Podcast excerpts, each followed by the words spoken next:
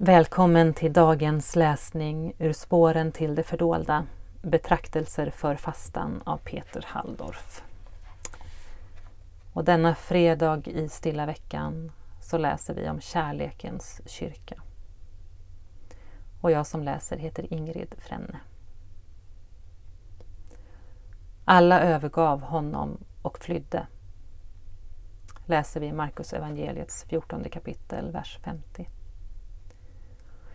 Vilka finns ännu kvar när Jesus inleder sin sista vandring?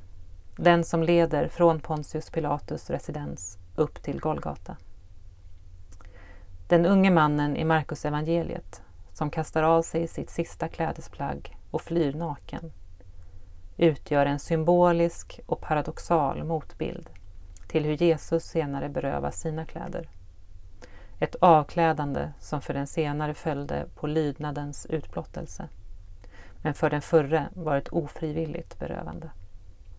Medan männens kyrka försvinner, en efter en, framträder på avstånd kvinnornas kyrka. Det som följt honom och betjänat honom under hans vandringar.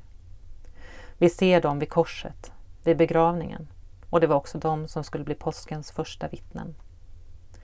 En av dessa, inte omnämnd i evangelierna, men berättelsen om henne kommer från den tidiga traditionen, var Veronica som väntar vid en av korsvägsstationerna utmed Via Dolorosa. Till skillnad från Jerusalems gråtande kvinnor som Jesus tillrättavisar, de gråter över sig själva, är hon vid sidan om Josef från Arimathea den enda som står för en aktiv handling under passionsdramat. Hon rusar ner tar Jesu blodiga ansikte i sina händer och torkar det med en duk. Både Veronica och Josef är outsiders. Det första är en gemenskap som får företräde framför det utvalda.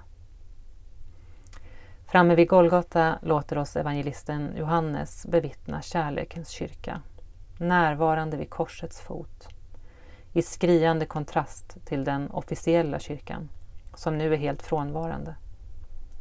Hon representeras framför allt av Mater Dolorosa, den lidande modern, och den lärjunge som Jesus älskade, åt vilken han nu anförtror sin mor.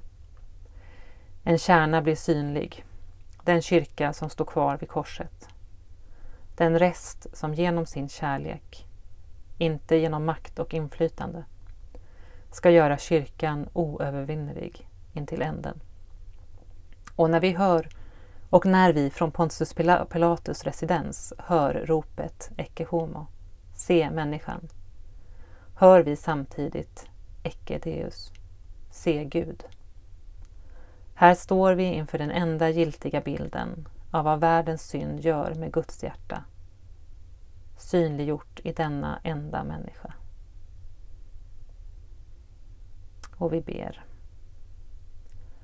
Herre, Kom ihåg dem som har glömt ditt löfte om uppståndelsen. De som inte känner dig och din väldiga kraft och därför lever utan hopp. Amen.